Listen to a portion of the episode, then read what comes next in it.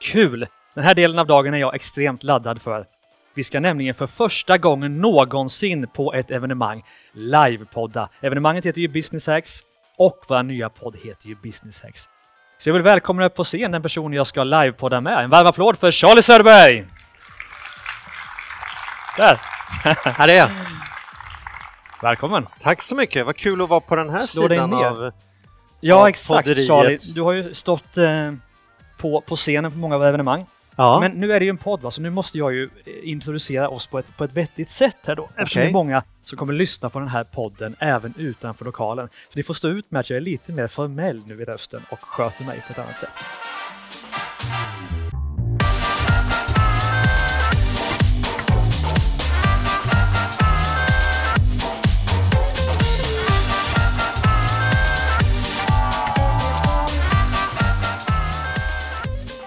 Så varmt välkomna till podden Business Hacks med mig Gustav Oskarsson. Idag är vi i en av Sveriges absolut bästa företagarstäder, eller stämmer inte det publiken? Såklart det gör! Vi är i Nacka, vi livepoddar i Business Hacks och idag har jag med mig ingen mindre än Charlie Söderberg. Hej. Gustav. Tack. Hej Charlie! Varmt välkommen till Tack. Business Hacks. Vad roligt och jag känner mig så avslappnad. Du kommer sköta det här. Jag är så van att jag sitter i andra ändan och ska hålla koll på spakar och tider och grejer. Ja men precis. För du ska ha sitter två off- jättemysiga timmar tillsammans här Ja, jag. verkligen. Två timmar ja. Ja. Det var det vi sa. Exakt. Charlie, jag är nyfiken på, alla kanske inte känner dig sedan gammalt, om vi ska på något sätt sammanfatta din företagarresa fram till idag. Ja, Hinner vi med det på två timmar eller? ja. Ja kan få försöka. det kan jag säga. Eh, eh, min- en snabb CV här då. Mm. Mitt första jobb jag hade någonsin var som ogräsrensare. Eh, mitt andra jobb jag hade någonsin var som eh, eh, gatartist, som eldslukare, jonglör och fakir och magiker. Eh, det hade jag som ett sätt att försörja mig. Sen efter det så, så eh, när jag pluggade, pluggade till fastighetsmäklare. Och sen så eh, började jag jobba som fastighetsmäklare, eh, tröttnade på det, började jobba i tidningsbranschen. Nu går det fort här framåt då, för i tidningsbranschen hände det som gör att jag sitter här idag. Det är först nu det börjar bli kanske intressant för några av de som lyssnar. Då. Jag hade en, en chefredaktör på en tidning som hette eh, Pontus Schultz, hette chefredaktören. Han frågade mig vad är det egentligen som gör framgångsrika människor framgångsrika? Vad är det som gör att vissa människor lyckas och andra inte? Och jag hade ingen aning om vad jag skulle svara. Så jag eh, fick panik, hävde ur mig någonting där, liksom, ja, något som jag tyckte lät lite halvsmart i alla fall. Men frågan hängde kvar så jag gick hem och började på riktigt, man kunde inte googla på den tiden, så gammal är jag, men jag gick till stadsbiblioteket och började låna böcker. Var hittar jag böcker om hur man lyckas, frågade jag. Och då kom vi fram till att jag skulle nog titta på lite så här, eh, ledarskap, visionärt tänkande, men också eh, låna hem så här, böcker, människor som hade gjort förändringar. Så här, munken som sålde sin Ferrari och någon som gick från uteliggare till miljonär och seglat jorden runt med sina barn. Så att jag, jag liksom, två stora travar, gick hem, läste dem, blev totalt hooked på personlig utveckling och gick alla kurser som fanns i världen. Alla pengar jag tjänade på tidningen gick bara åt till personlig utveckling. Och sen så gjorde jag det varje duktig anställd borde göra. Jag gick in till chefen och sa, jag har listat ut det nu. Nu har jag löst det, hur vi ska göra det här till världens mest framgångsrika tidning. Och så ritade jag upp till honom hur vi skulle jobba på ett helt nytt sätt, hur vi skulle tänka och hur vi skulle jobba med människors drivkraft, hur vi skulle skapa liksom ett helt... Jag var så bra. Det var min bästa presentation jag gjort någonsin. Så när det var klart gick jag fram till tavlan och sa så här, chefen, det här måste vi göra. Det här måste vi göra. Gör vi det här kommer det finns ingen gräns för hur långt vi kan ta oss. Eh, och då sa han till mig, det var tråkigt att höra, så fick jag sparken. Eh, och så var det, och det var så jag blev företagare. Jag blev inte företagare utifrån någon dröm om att sitta på kvällarna med resultat och balansräkningar, utan jag blev företagare för att jag höll, hade hållit en så kraftfull affärspitch om vad jag trodde på. Så när chefen inte trodde på det så fanns det inget annat val än att gå ut därifrån och göra det själv. Och så skapades det, det som kom att bli balansekonomi. Det utbildningsföretaget som jag har jobbat en stor del av de senaste 15 åren med som handlar om att ge människor mer tid, mer pengar och mer energi. Eh, sen för att göra det så har jag gjort massa andra saker för att få människor att förstå att ekonomi är mer än bara eh, liksom klippa kreditkort så har jag försökt att jobba med, med beteendeförändring ur ett ekonomiskt perspektiv genom att skriva ett par böcker på det här ämnet som en hel del människor har läst. Jag har gjort en del tv-serier, Lyxfällan, Tonårsbossen, Plus i SVT och sådär. Eh, och nu för tiden så poddar jag i Rikedomspodden och eh, Ekonomi på riktigt med Mattias. Och, eh, så det är väl typ det. Sen äger jag ett kontorshotell, äger ett fastighetsbolag i Spanien, eh, äger ett bolag som investerar i andra bolag. Vänta, Eh, nu blir det lite mycket. Nu blir mycket. Charlie, vi måste pausa där. Ja, Jag, för jag, vill, jag vill, vill gå rakt på sak i den här podden. okej. Vad är det då som gör människor framgångsrika? Vad, vad är din take på det? Vad har du sett? Vad jag har sett, det är att om vi ska prata om det ur ett företagarperspektiv, Mm. som är lite här, så tror jag att de flesta människor som lyssnar på detta startade företaget en gång i tiden därför man tänkte så här, här har, jag vill ta mig någonstans. Mm. Man kommer i kontakt med någonting, du vet, man tänker inte bara så här, jag vill jobba 80 timmar i veckan, utan man har så här, jag vill göra någonting. Jag, vill, jag brukar beskriva det som en ö som man skulle vilja segla till. Och så tänker man, hur kan jag ta mig till det där livet när jag är ledig på fredagarna eller bor i ett varmt land eller, eller, eller har möjlighet att på riktigt göra skillnad i världen och, och gå efter mina egna värderingar. Och då tror jag att ett sak som många kommer på är då, jag vet, jag startar ett företag. Jag bygger en båt, skulle jag säga i den här metaforen. Och vad som händer två år senare, det är att man glömt bort att det var jag och mitt seglande som var viktigt. Och sen fort är man fullt upp med att bygga båt. Man bygger båt, man bygger båt och så glömmer man bort, man blir i sitt företag. Vad som är framgångsrika människor framgångsrika, det är att man har en naiv, ty, naiv tilltro till en tydlig inre bild om vad man egentligen önskar sig och den är, den är man trogen. Men sättet det ska gå till för att nå det, det är man otrogen på daglig basis. Världen förändrar sig så fort så affärsplaner är nästan alltid skit därför att vet, så här, hockeyklubb om fem år, vi vet ju fan inte ens hur det ser ut om fem år. Liksom. Mm. Så det intressanta är inte det är precis så här ska gå till, det är organiska juicer som ska förändra, utan det, det här är vad jag vill uppnå. Och sen har man ödmjukhet nog att, att, att förstå att det jag hittar på nu som ett sätt att göra det är bara ett av hundra sätt som jag kommer att testa. Mm. Mm. Det tror jag, det tror jag vad jag har tagit med mig från de här åren och är liksom eh, är att människor är fantastiska på att uppfylla på drömmar. Vi alla jag träffar är det. Problemet är bara att vi spenderar våra dagar med att uppfylla på någon annans drömmar än våra egna. Mm. Chefens drömmar eller mamma och pappas drömmar eller affärsplanens drömmar eller det där vi sa någon gång 1984 Mm. istället för att titta på vad är det egentligen jag vill uppnå? Mm. För ingen företagare vill bygga båtar, man vill segla. Exakt, men, men finns det då, kan du se att det finns, det här är vägen för att bli framgångsrik eller finns det massa med olika vägar och det gäller att hitta sin väg? Ja, så är det absolut. Mm. Så är det absolut. Det, det finns inte den som säger så här, här tre enkla steg så blir du framgångsrik, den Mm. försöker bara sälja någonting. Det är jag. Ja, det är du. Okej. Ja. Kräng-Olle. Nej, men sen finns det gemensamma, sen finns det gemensamma områden som vi alla behöver titta på och hantera. Mm. Eh, och det tycker jag är ett vettigare sätt att säga. Så här, ska, du, om du inte hittar ett sätt att ha en, en kärleksfull relation till dig själv, om du inte kan se till att din bästa medarbetare är dig själv, då kommer det aldrig lyfta. Så det är uppenbarligen ett område. Mm. Att ha koll på vad sann, säg precis som det är med hur det ser ut med ekonomi, så det är ett annat område. Mm. Att rekrytera rätt människor har ett annat område. Så det är klart att det finns områden som... som, som eh, men jag är mer intresserad av att titta på vad är likheterna mellan att driva ett framgångsrikt företag till ett framgångsrik familj, till ett framgångsrikt sexliv, till en framgångsrik kropp. Alltså, Mhm. för jag, jag, jag tycker ju mer jag jobbar, ju mindre handlar det om att det skulle vara unikt just med aktiebolag, särskilt från något annat område i livet. Det är vissa Kan grundläggande... du, kan du utveckla det? Okej, alla vill vi ju ha ett framgångsrikt bolag, vi vill ha ett framgångsrikt sexliv, vad du är inne på. Vi vill ha Jag gillar framgångsrikt. Det är det många? Ja, Gustav, idag ger jag dig Tillväxt, jag vet inte. 8,4. Ja. Det är en förbättring den här terminen. Mot... Där ska vi inte det ska har inte tagit, till, tillväxt. det, du har tagit till en del av feedbacken, märker jag.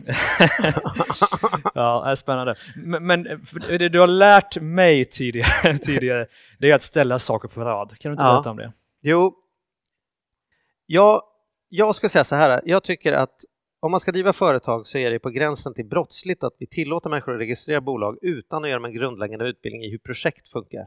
Mhm. Därför projekt är drömmen, alltså drömmen, eh, åtagandet att det är bättre om det är på ett sätt än annat sätt. Det är bättre om det här företaget blir framgångsrikt än att det inte blir framgångsrikt. Det är Mm. bättre om min fru älskar mig än om hon inte älskar mig. Det är bättre om jag väger 80 kilo än om jag väger 120 kilo. Det är liksom inte bara drömmar utan jag har också något investerat i. Jag tänker faktiskt se till att det blir så. Mm. Och alla projekt, till att börja med så har vi, de flesta av oss har 100 projekt i livet.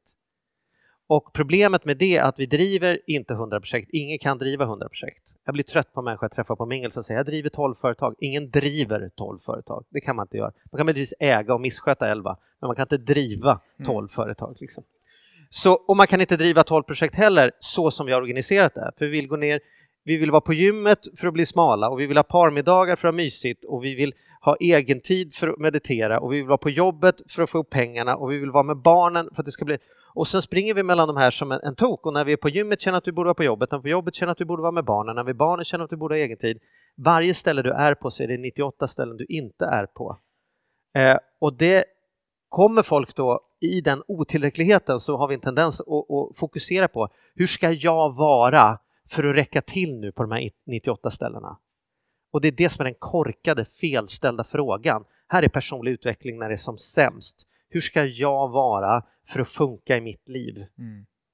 Den intelligenta frågan är, hur ska mitt liv vara organiserat för att det ska funka för mig? Mm. Ditt liv är ju ditt påhitt. Mm. Så vad, jag, vad, vad, vi gör på balansekonomi, en sån här nyckelövning som förändrar människors liv, det är när vi tittar på alla de här projekten och istället för att ha dem spridda till höger och vänster som har springit som en idiot så vi lägger dem på rad. Tänk om du kunde designa ditt liv så att allt du gör är en, två eller tre saker och när du gör dem så uppfyller du på allt du vill göra samtidigt. Så att du kan vara med barnen och tjäna pengar samtidigt. Så att kan du, du kan ta hand om din hälsa. Jag kan ge, ge, ge, exempel, men jag vill inte. Uh -huh. Därför så fort jag gör det så snuttifieras det jag säger ner till liksom mitt sätt att göra det. Mm. Det är mycket trevligare om den som lyssnar lämnas med en förvirrad fråga i hur fan skulle det se ut i mitt liv? Mm. Och ger jag, ger jag bort ett svar här, då är det risk att folk tar det. Mm. Jag skulle hellre vilja att man är frustrerad när man lyssnar på detta och går hem och lägger sig och tänker ikväll så här, hur skulle jag kunna tjäna pengar och vara på fotbollsträningarna samtidigt? Hur skulle jag kunna sovmorgon och göra mitt bolag mer framgångsrikt? Hur mm. skulle jag kunna få vara nära dem jag älskar att vara och, och fortfarande se till att jag har en vältränad kropp. Lösningarna finns i min erfarenhet mm. efter att ha jobbat med 250 000 människor i balansekonomi med detta, så det är inte som att jag har fullt självförtroende att lösningarna finns. Men det är bättre om folk börjar nysta i det med hjälp av oss eller någon annan mm. än att jag och er är färdiga. Det här är tre snabba tips, så blir du rik medan du sover. Så där är jag en dålig Du trycker ju ner mig väldigt mycket eftersom jag gillar de här snabba tipsen. Ja, jag, jag, jag, kan ge som ett tips till, till er som...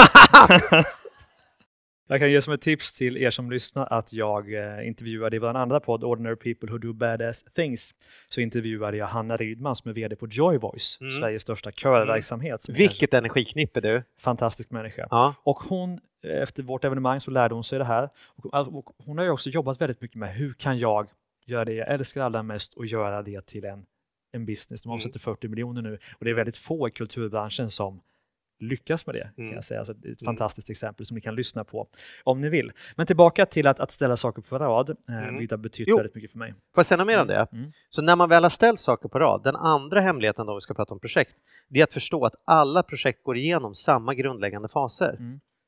Eh, och om man inte förstår vad som ska till för att ett projekt ska komma in i nästa fas, mm. då är man torsk.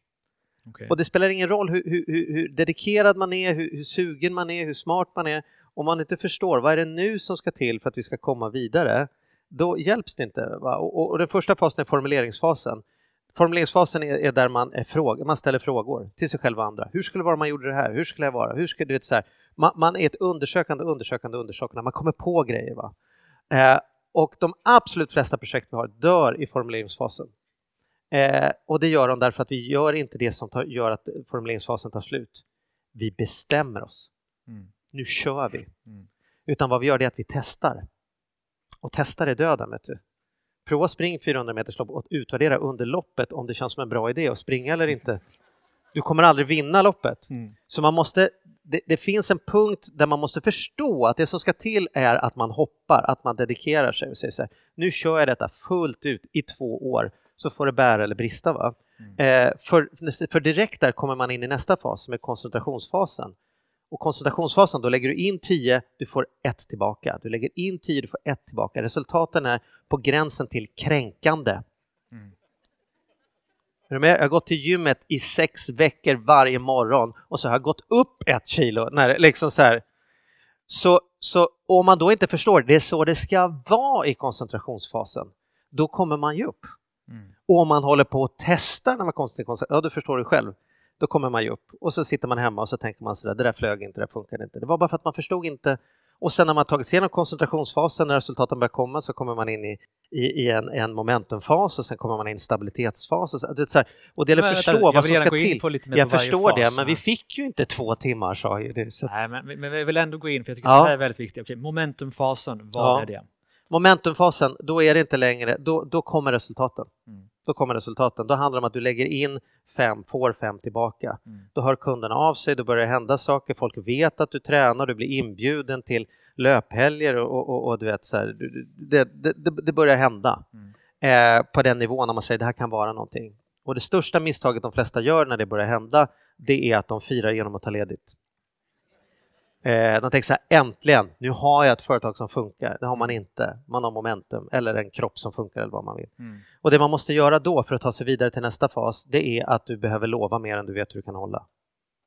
Mhm. Där gäller det att, att, att, våga, att våga ställa sig framför organisationen eller projektet eller vad det är och säga det så här, det här, nu ska vi göra det här, nu, du vet, det här kommer vi göra. Vi brukar kalla det här för, för eh, den här ank, eh, ankmetaforen.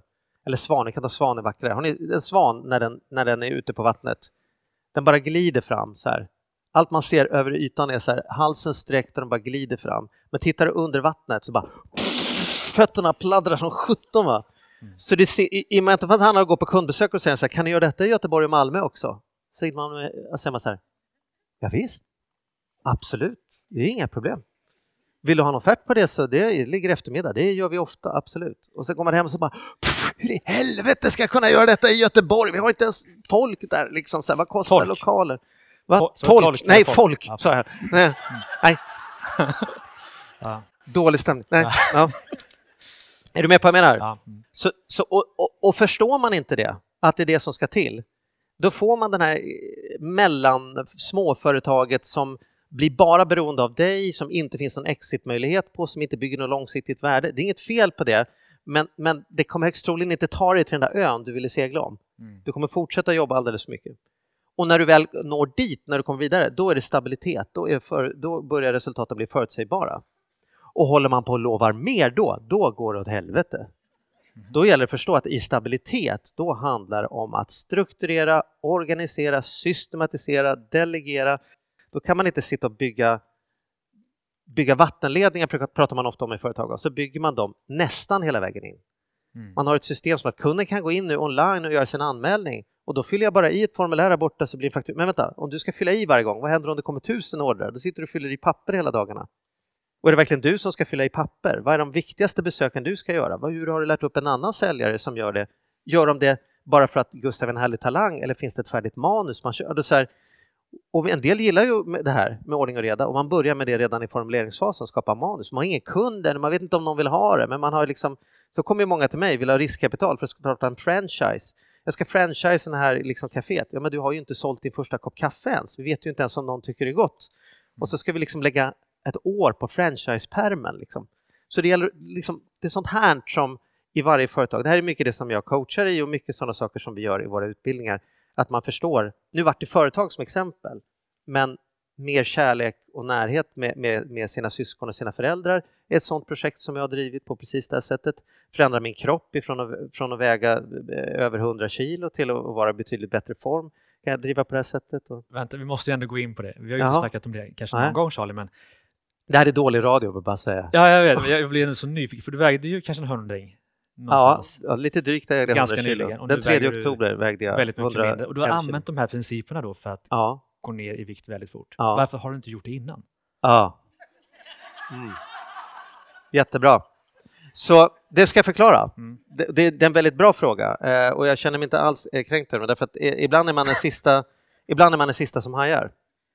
I Balansekonomins utbildning så har vi en, en mening som jag har sagt tusen gånger, tusen gånger och ändå inte fullt ut fattat uppenbarligen.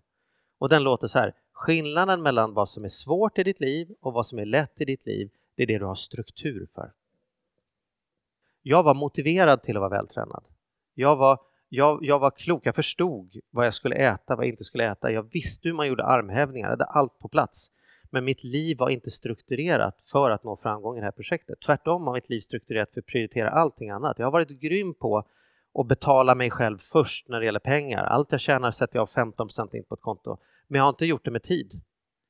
De första 15 procenten av min tid är min tid. De första 15 procenten av min energi är min energi. Och det har jag vetat men jag har inte gjort det. Det som krävdes var att jag skaffade en personlig tränare som på riktigt bokade möten med mig tre gånger i veckan för att stå och räkna armhävningar. Och det är ju inte för att jag inte kan räkna. Jag behövde mötet. Och därför blir jag så ledsen när, när småföretagare säger att jag spar pengar genom att sitta hemma istället för att vara på ett kontor. Liksom kraften av att sätta på sin kavaj och gå till ett kontor och sitta där och bara okej, okay, vad gör jag idag? är så otroligt kraftfull. Att ha, det är därför vi gör utbildningar istället för att bara skriva böcker. Folk läser böcker så gör de det ändå inte. Men har man en utbildning och säger Gustav, till nästa vecka ska jag göra det här. Om en vecka komma tillbaka så säger någon, hur har det gått med att göra det där? Nej, det kanske inte riktigt hände. Okej, okay, men varför har det inte hänt? Vad är insikten? Vad kan vi lära oss? Fan, jag är dålig på det jag lovar mig själv. Bra. Mm. Vad kan du göra med den insikten? Ja, jag kan börja skriva ner. Bra. Nästa vecka, hur har det gått med att skriva ner det? det är så här, någon som är på en. Va? Mm. Och sen Över så, tid också. Ja, och sen en strategi. Att ha en strategi som funkar. I mitt fall var det en ny ätstrategi. Mm. Eh, attityd är otroligt viktigt, men med fel strategi spelar det ingen roll hur bra attityd du har. Mm. Eh, och jag hade fel strategi och nu har jag uppenbarligen använt en annan strategi som har gjort att jag har gått ner 26 kilo på sex månader. Mm. Eh, det är inget... Oh, oj, det får man applåd. Det är skönt, man kan omsätta 100 miljoner, får man ingen applåd för. Man har gått, gått ner skit som jag själv hade ätit i mig alltihopa, det är applådvärt. Ja. Jag ska inte dissa det, men det som är intressant är inte att, att jag är inte som att jag ska börja föreläsa i, i min strategi för att göra det. Återigen, mm. det är inte intressant, men man kan titta i vilka områden i mitt liv vet jag vad som egentligen ska göras, men jag har fortfarande inte de resultaten jag innerst inne vill ha. Och så kan man ställa sig frågan, hur kan jag skapa struktur för att det kan hända? Vem kan jag bygga partnerskap med? Vilket, vilket sammanhang kan jag sätta mig i? Hur kan jag se till att det finns en, en uppföljning, en nästa punkt, att jag inte kommer undan? Jag brukar beskriva struktur som vattenrutschkana. Liksom, sätter man sig i en vattenrutschkana, man hamnar alltid i poolen.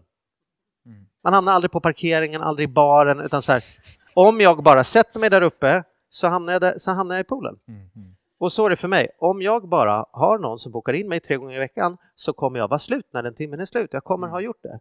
Mm. Om jag har ett möte bokat med dig, då kommer jag vara förberedd för det mötet. Om mm. jag ser till att jag och min son har bokat in helger där vi är själva och åker bort och gör saker, då kommer jag genomföra de helgerna. Mm. Så istället för att försöka bli bättre, jag tror, inte, jag tror att de som lyssnar på det här är riktigt jävla bra, så skulle vi, bli, så skulle vi unna oss att ge oss själva schyssta förutsättningar att vinna matchen genom att skaffa ett rätt spel, rätt laguppställning och rätt spelstrategi.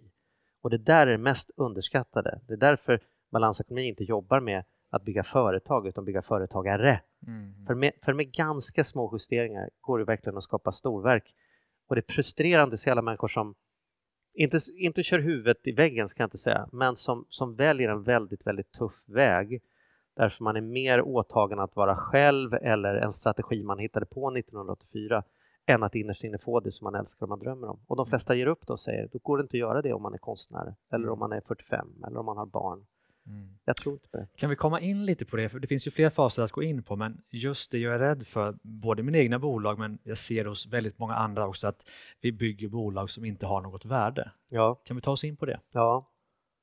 Eh, det är väldigt intressant därför att många företagare eh, jag, brukar fråga, jag brukar fråga, när jag träffar publik så brukar jag fråga så här, hur många är inne investerare? Hur många investerar pengar i bolag?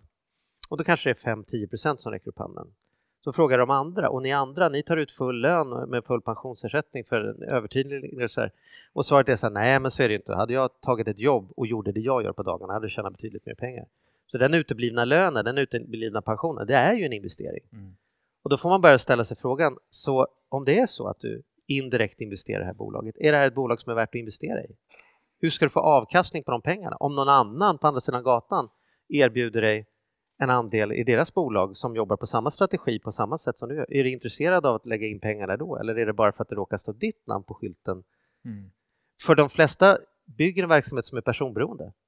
Du är produkten, du bygger någonting där det är som så det är jag som är ute och säljer, det är mitt sätt att göra saker eller jag har en så bra kundrelation eller min superhjälteförmåga är det jag använder här. Mm. Och då är det ju då är det frågan, vad är det värt då om du inte är kvar sen? Mm. Om din plan, dina pensionspengar är att du ska sälja bolaget. Vem ska köpa ett bolag som bara funkar när du är där om du inte ska vara där? Mm. Och jag hade någon som sa det, någon rörläggare på Nacka som sa det. Jag behöver inte hjälpa dig, vet du. min plan är klar. Jag är Nackas bästa rörfirma. Vet. Alla vet det, ska man ha schyssta rör då ringer man mig. Och det är intressant, men de ringer dig. De ringer inte organisationsnumret, de ringer dig. Så när du går i pension, vad är det värt? Mm. För du kommer inte svara när de ringer, det är värt ingenting. Så jag hoppas du har en bra avkastning på dina pengar. Börsen har gjort, har gjort indexfond i snitt en 8, 9, 10 procent. Om du inte har 10 procents avkastning på ditt kapital i bolaget vinst automatiskt efter full lön, full pension, har du tjänat mer pengar på att sitta hemma och kolla på Game of Thrones och bara inte gå till jobbet än vad du gör just nu. Mm, mm. Det är en tuff sanning för många, men det är det. Är det. Och det är inte, det jag blir frustrerad på, det är inte en sen-fråga. Många startat för att det säga, först ska det bli stort, sen ska jag fixa till det där. Mm. Liksom, jag tjänar inte pengar nu, men jag ska tjäna pengar sen när det blir större. Och, och, och, jag har haft cancer i huvudet. Jag kan säga det, ingen doktor gick till med cancer i huvudet som sa så här, om du bara går upp kilo, 20 kilo i vikt, om du bara blir större, då kommer dina problem lösas av sig själv. Mm. Ingen sa det, de sa tvärtom, vi måste lösa det här problemet, sen kanske, du vet. Mm. Och så är det med företag, de flesta företag förhåller sig till, till ekonomi som att det finns gas och det finns broms. Ju mer jag gasar, ju mindre problem får jag. Men om verksamheten inte funkar på 500 000, då kommer den inte funka på 500 miljoner heller. Mm. Det är en lögn. Eh, så tillväxt är inte så intressant tycker jag. Mm. En, sund, en sund affärsidé med sunda människor som bygger långsiktigt på ett sätt som faktiskt blir skalbart och personoberoende, det kommer om det är tillräckligt bra bli stort. Mm. Många kommer till mig och vill säga verksamheter som ska bli stora. Jag vill bara köpa verksamheter som blir bra. Stora blir de om de är bra. Mm. Sluta vilja bli stor, börja vilja bli bra. Mm. Och att det är bra, inte att du är bra. Egot får du gå hem, ha en hund som står och tycker du är fantastisk när du kommer hem. Men mm. om kunderna tycker du är fantastisk, då har du problem, för då mm. sitter du fast. Mm. Så skaffa hund är väl tipset här? Det är ju standardtipset. Ja.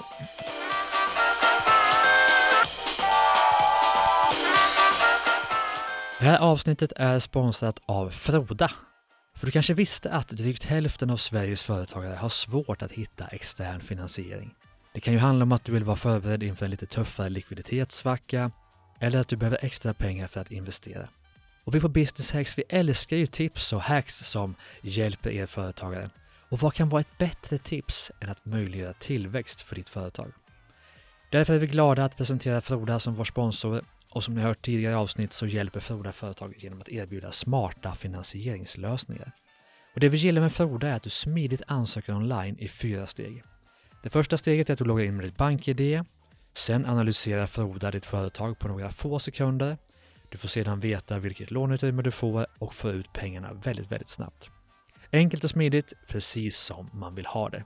Så läs mer om Froda på froda.se businesshacks och tack Froda för att ni gör det enklare för oss som driver företag.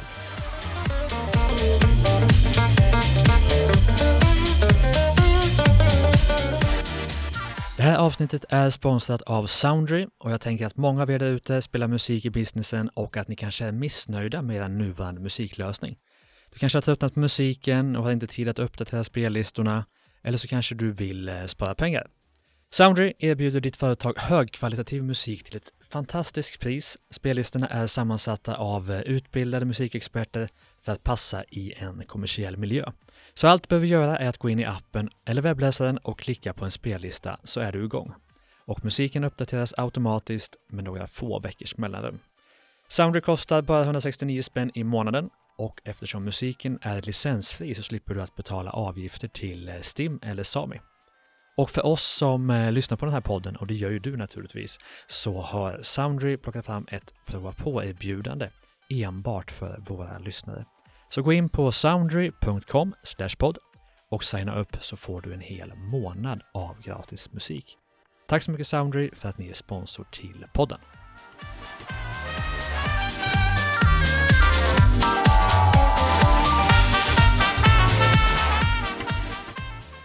Men du, vi har varit inne på, vi har kommit, tagit oss till strukturfasen i projektledningsfaserna. Ja. Det finns ju en eller två faser till, visst ja. är det så? Ja, men då kommer vi in sen. För, för att, att, att komma till det som är genombrottet, nästa nivå är genombrott, det är då det händer. Det är då de mm. skulle ringa från USA och säga så här, du, kul det här äh, med mitt företag-turnén.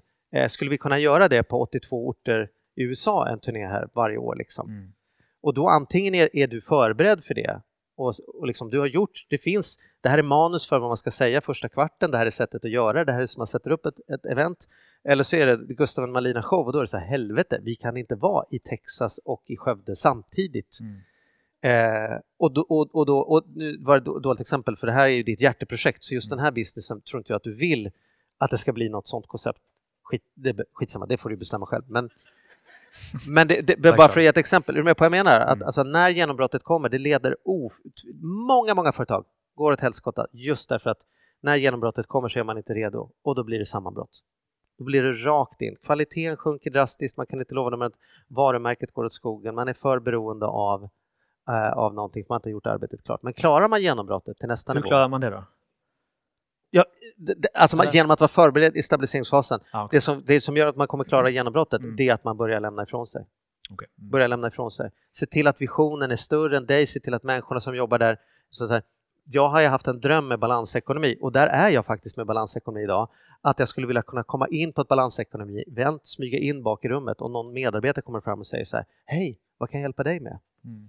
Det, så att det lever ett eget liv. Mm. Att jag var med och grundade det, det är inte längre mm. intressant. Mm. Eh, därför då, är, då finns det på riktigt. Det är ett barn som har flyttat hemifrån och då kan man komma till mästerskapsfasen som helt enkelt, då, le, då, då, då, lever det helt utan mig. Jag är inte mm. längre en del av det, jag kan komma och besöka det, jag kan bo på hotellet men det är inte, jag behöver inte lägga mig i att det ska funka. Mm. Och det där, olika faser ser olika långa ut, många upplever aldrig de slutliga faserna i någon del av sitt liv, utan man mm. kämpar i hela livet. Vilket är den vanligaste att, att fastna på? Om vi den första, 95 procent av alla projekt tar sig aldrig ur formuleringsfasen, mm. därför vi bestämmer aldrig nu kör vi. Mm. Alla har vi suttit hemma och sett på TV en uppfinning som vi säger så den där kom jag på på en kräftfest redan för tio år liksom så här. Ja, men mm. du gjorde inget. Ja, exakt. Men jag tror jag att de flesta som lyssnar på våra poddar, på våra evenemang fastnar dock i, i strukturfasen, att de inte bygger ja ja. strukturen för, ja, för att de, de, Ja, det tror jag. För att sitter man och lyssnar på detta och identifierar sig som företagare fullt ut, då ska jag säga ur företagsperspektivet så är det väldigt, väldigt vanligt att man, att man bygger in sig själv. Man blir för personberoende, mm. man kisar, man, man... Du hade en fråga som du sa, så jag kan komma, kanske fråga dig om detta. Det kanske kommer nu då, men som handlade om eh, superhjälteförmågor eller liksom mm. talanger eller vad du kallar det ja. för. Nej, men ställ återigen, fråga, då, fråga det. Snackade om det innan här på, på evenemanget att det är skönt om ni ställer frågorna så slipper jag. Ja, precis. så, så, ställ frågorna du.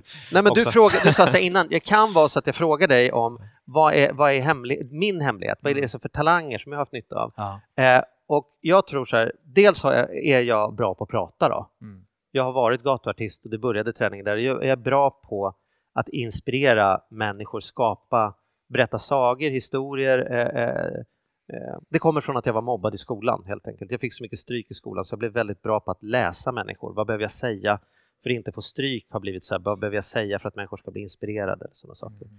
Och sen har jag en brinnande längtan för att göra skillnad så jag är duktig sen när, människor, när jag skiftat något in i människor att sen få dem att agera på det också. Men det gör mig till en bra utbildare, bra pedagog och kanske bra mm. tv-person. Men vad som gör ett bra företagare, det är att jag är väldigt eh, jag är väldigt fokuserad på att vara på businessen. Mm. Eh, alla, all, alla småföretagare eh, har två hattar, även om de inte har hittat dem. Och den ena är när man jobbar i businessen. Man ser till att ringa de som ska ringas och ta hand om, om, personalen och man ser till att det finns saker på lagret eller man ser till att det öppnas i tid och stängs i tid. Det är som man jobbar i businessen. Eh, och sen finns den andra hatten, det är när man jobbar på businessen. Det är liksom styrelsehatten om man säger så här, vad, vad verkar den här verksamheten på gång? Vad är affärsutvecklingen? Vad ska vi göra? Vad, kommer, vad är nästa steg?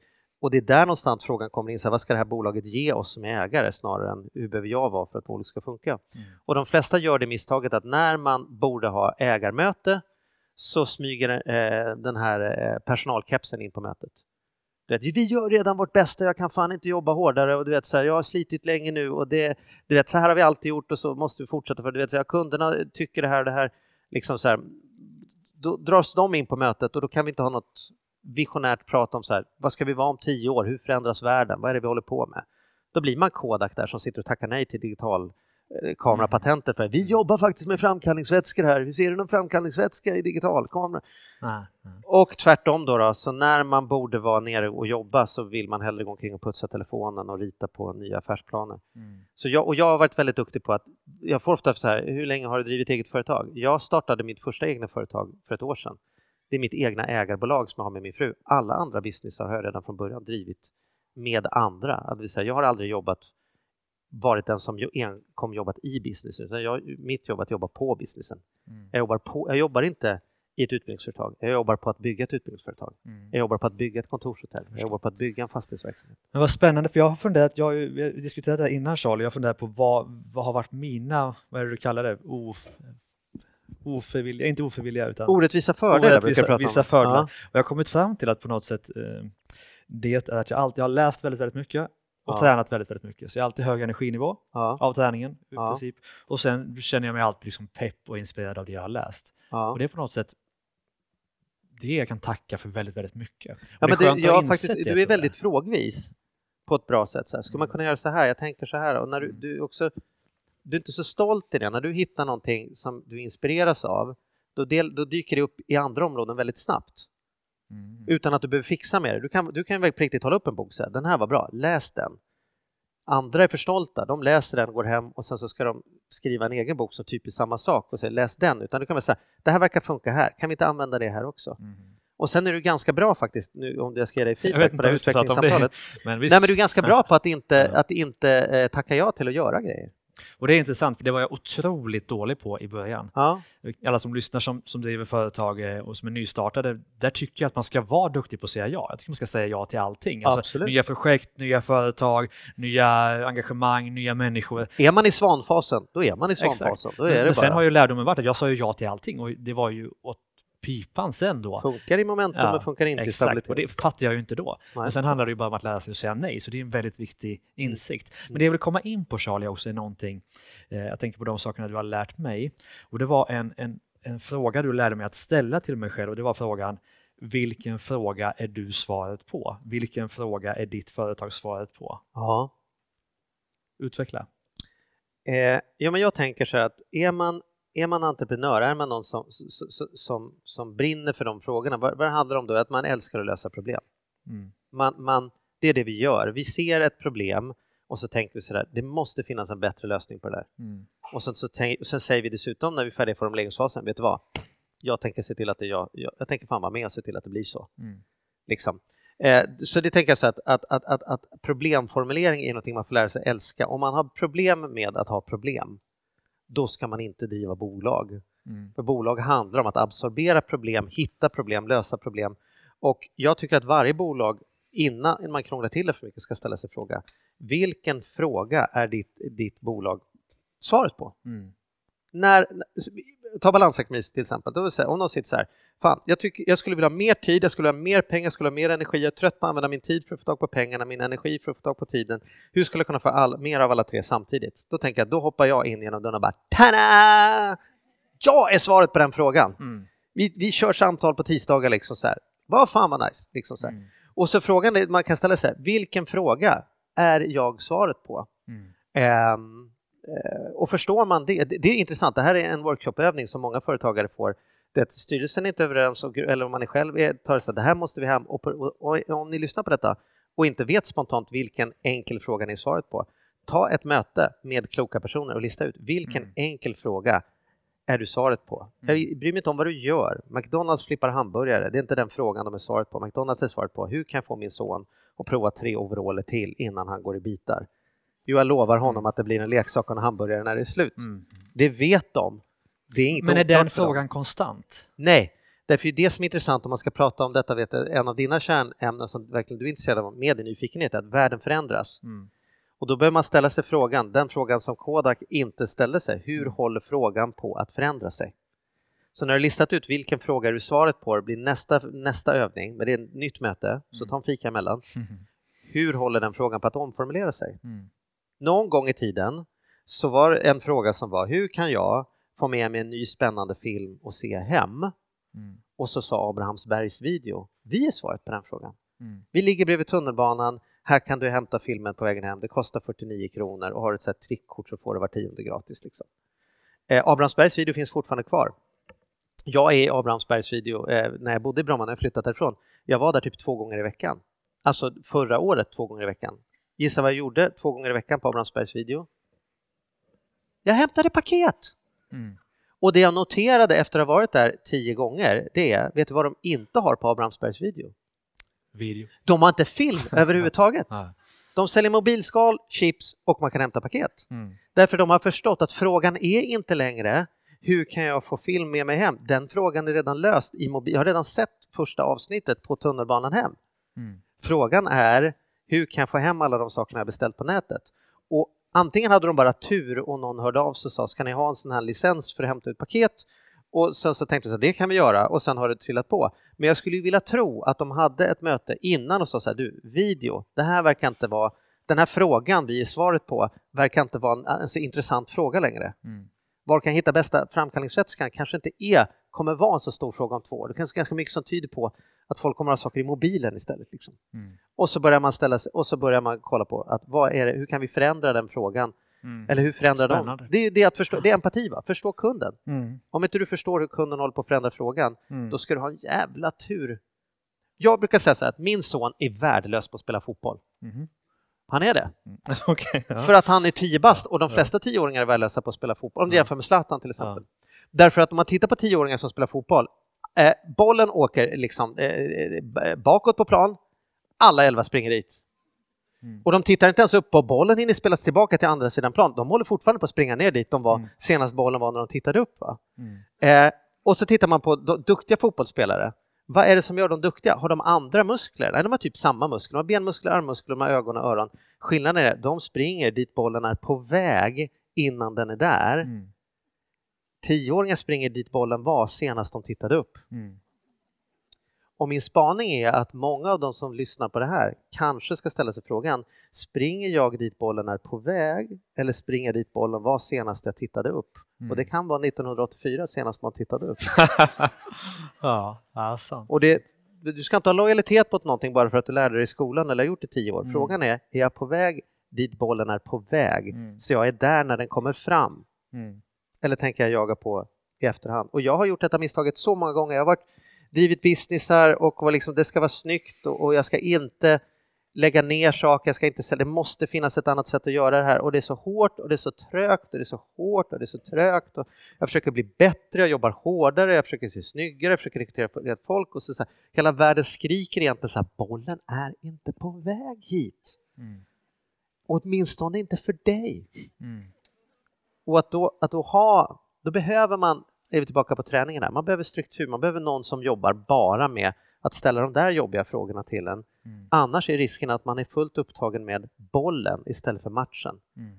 Och det tror jag är väl, så här, om man skulle ha något lifehack att ta med sig från det här, Mm. så är det att hitta sammanhang, Business hack var- business hack. naturligtvis. hitta sammanhang varje vecka Mm. Där du kommer upp tillräckligt högt på läktaren för att kunna se vart bollen är på väg och inte vara så jävla engagerad i den där matchen du spelar. För i slutändan är det inte, Mm. är det inte om du fick in de där två kunderna eller om den där rekryteringen eller om varulagret lyckades bli rätt det handlar om. Det handlar om om du kan ha en kärleksfull relation till dina barn, om du kan må bra med din hälsa, om du kan få ett överflöd av pengar som gör att du kan dricka champagne istället för att käka kattmat när du går i pension. Mm. Det är de frågorna vi engagerar oss i, Ja. inte de andra. Men det är inte de som skriker på daglig basis. Det som är viktigt är sällan bråttom och det som är bråttom är sällan viktigt. Mm. Och de flesta människor kommer på en vanlig dag aldrig ens in på viktigt-listan för hela dagen går åt till bråttom. Mm. Och där försöker jag vara en droppe i den andra vågskålen. Det är spännande för jag pratar ju mycket om att bygga livet på sina egna villkor, att bygga, bygga livet med företaget som hjälp och inte tvärtom. Har du något mer tips för att lyckas med det för alla som bara springer, springer, springer i sitt företagarekorrhjul som också finns? Vi försöker ju ta oss ur det vanliga ekorrhjulet Mm. genom att skapa bolag som ska Mm. ta oss dit vi vill. Mm. Sen springer vi lika mycket i det ekorrhjulet. Ja. Har du något tips för att ta sig ur det? Tre snabba tips? Nej, det får man Nej, inte fråga dig. nej, du får inte tre snabba tips. Men jag har ett tips som är jättebra, men jag drar mig alltid för att säga det, för det låter som att jag pratar egen sak, för att Mm. jag, det är någonting som ligger mig varmt om hjärtat. Men eftersom du frågar så får du det. Det finns en investering som jag har gjort om och om igen och fortsätter att göra som alltid har betalat sig tillbaka snabbt i både tid, pengar och energi. Mm. Och det är satsningar på min egen personliga växt. Mm. De utbildningarna jag har gått som ibland kan tänka så här, nästan alltid tänka så här, det är fel timing Mm. det är för mycket nu, det är fel tillfälle att åka iväg, sitta och åka till USA, eller jobba en vecka liksom med pappersprodukter Mm. när, jag- när, när jag precis har en person som har slutat på kontoret, det är helt fel. Kommer alltid hem och tänker så här, vilken fruktansvärd tur Mm. att jag tog den här veckan, annars hade jag fortsatt i två år till. Så all typ, all typ av, det behöver du vet, unna dig bra utbildningar, men egentligen behöver de fan inte ens vara bra. En bra person kan hitta värde även i dåliga utbildningar, men bara så är det. Man kan ta coaching av en sten, det behövs inte en briljant coach. Liksom. Men om man nu ändå ska ta en timme coaching kan man ju välja något bättre än en sten. Men, Mm. men, men, men att, att sätta av tid, sätta av pengar för att fortsätta utveckla sig själv är, är tveklöst det som kommer, som kommer skilja agnarna från vetet. Om man tror att man är färdiglärd, ja men jag har nog mitt på spår och jag har varit inne på de här tankarna länge, mm. då är man bara färdig. Man är inte lärd, man är slut heter det. Mm. Liksom. Mm. Allting växer eller dör. Det finns inget mellanting. Allting växer antingen litet eller snabbt, men det växer eller så dör det. Och om du slutar växa, då börjar du ditt döende, då börjar du avveckla dig själv. Mm. Och det gör vi alla ett år, två år i olika områden. Jag har gjort det med min hälsa i flera år, har jag varit döende. Mm. Sen skapade jag en ny vision som var att jag ska vara med och frisk när min son gifter sig. Han är tio år nu, usel fotbollsspelare men härlig människa. ja. eh, och jag tittade på kurvan och konstaterade att eh, här är jag på avveckling. Här är jag inte på tillväxt. Jag är inte på tillväxt i hälsa. Man kan hitta på vid 44 att man kan inte ha den kroppen man hade när man var 25. Eh, eller så kan man se till att skaffa sig det stödet och den hjälpen jag behöver mm. för att fortsätta växa. Mm. Eh, så det är nog, det är nog inte mitt tråkiga svar, för det är ett fantastiskt kul svar. Mm. Men det är lite synd att jag ska behöva säga det eftersom jag har vikt 15 år att, att jobba med att skapa utbildningar för människor som växer. Mm. Nej, men det är spännande för vi, vi, lever väl, får vi väl anta fortfarande under en begränsad tid. Man vet ju inte riktigt med framtiden och piller hit och dit. Nej, du är inne på att vi kommer leva för evigt. Ja, jag, jag, har, har en viss, viss förhoppning kring det. Men, men hur ska vi tänka där kring eh, varför gör vi inte det vi, vi alltid vill? Hur ska vi tänka kring att vår tid är begränsad när vi vill så mycket och ändå inte får det att hända?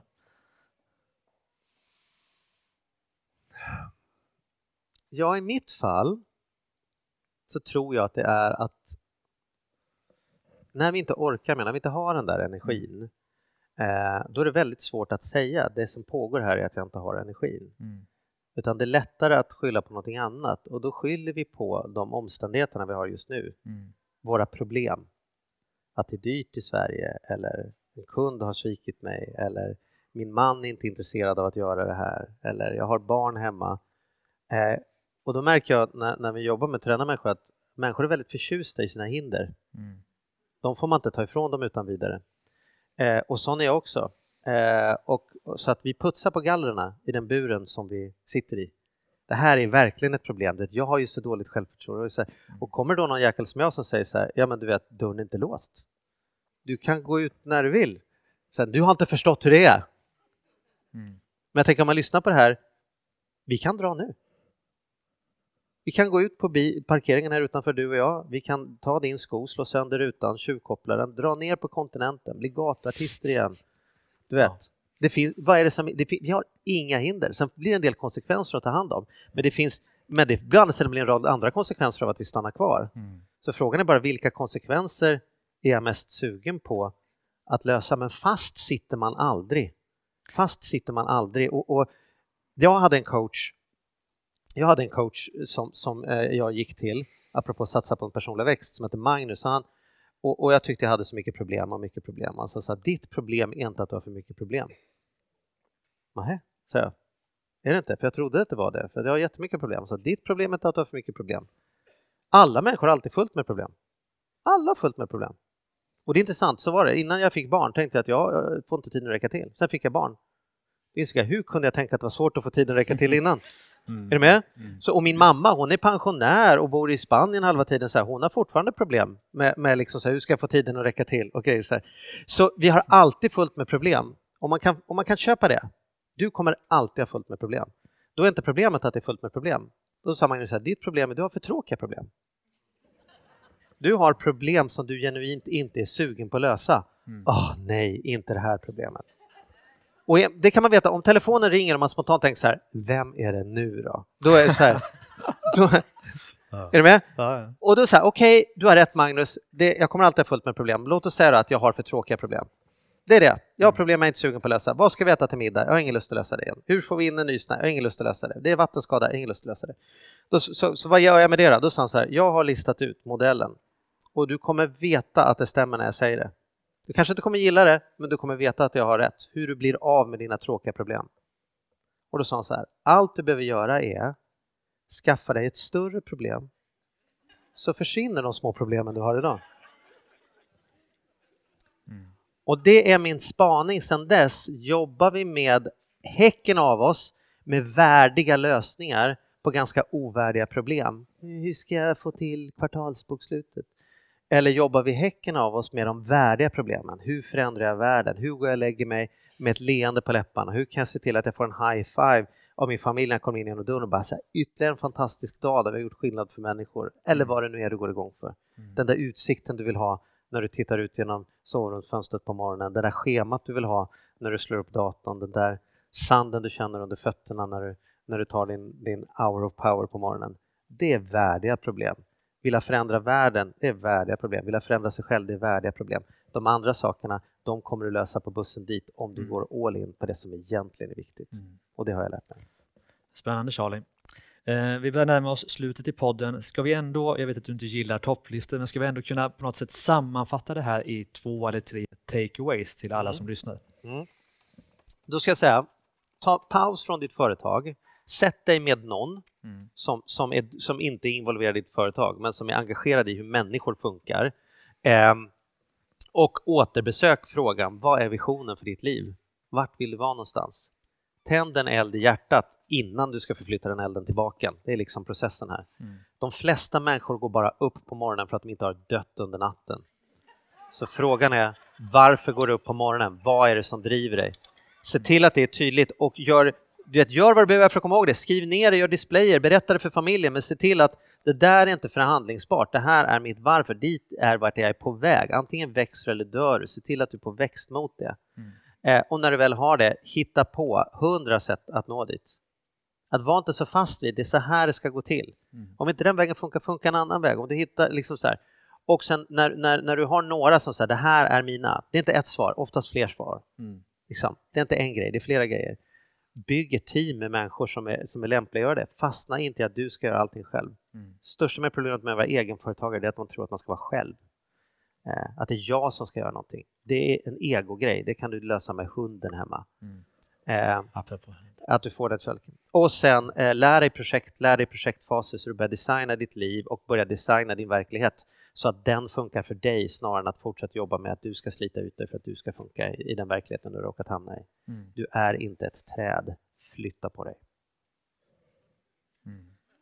Spännande. Jag Var vill... det, det var nästan en lista. Det var en lista, jag, jag uppskattar det mycket Charlie att jag äntligen jag, fick jag försöker att, skull, att göra en lista. Ja. Charlie, jag vill tacka dig för att du var med i, eh, i podden. För er som lyssnar på eh, podden utan att vara på vårt evenemang i Nacka, en av Sveriges hetaste företagarstäder, Så så eh, lyssnar du naturligtvis där poddar finns och på drivastarkeget.se där du även kan lyssna på Starta eget-podden och Ordinary People Who Do Badass Things. Så vad säger ni publiken? Ska vi tacka Charlie för den här poddinspelningen med en varm applåd? Tack, tack.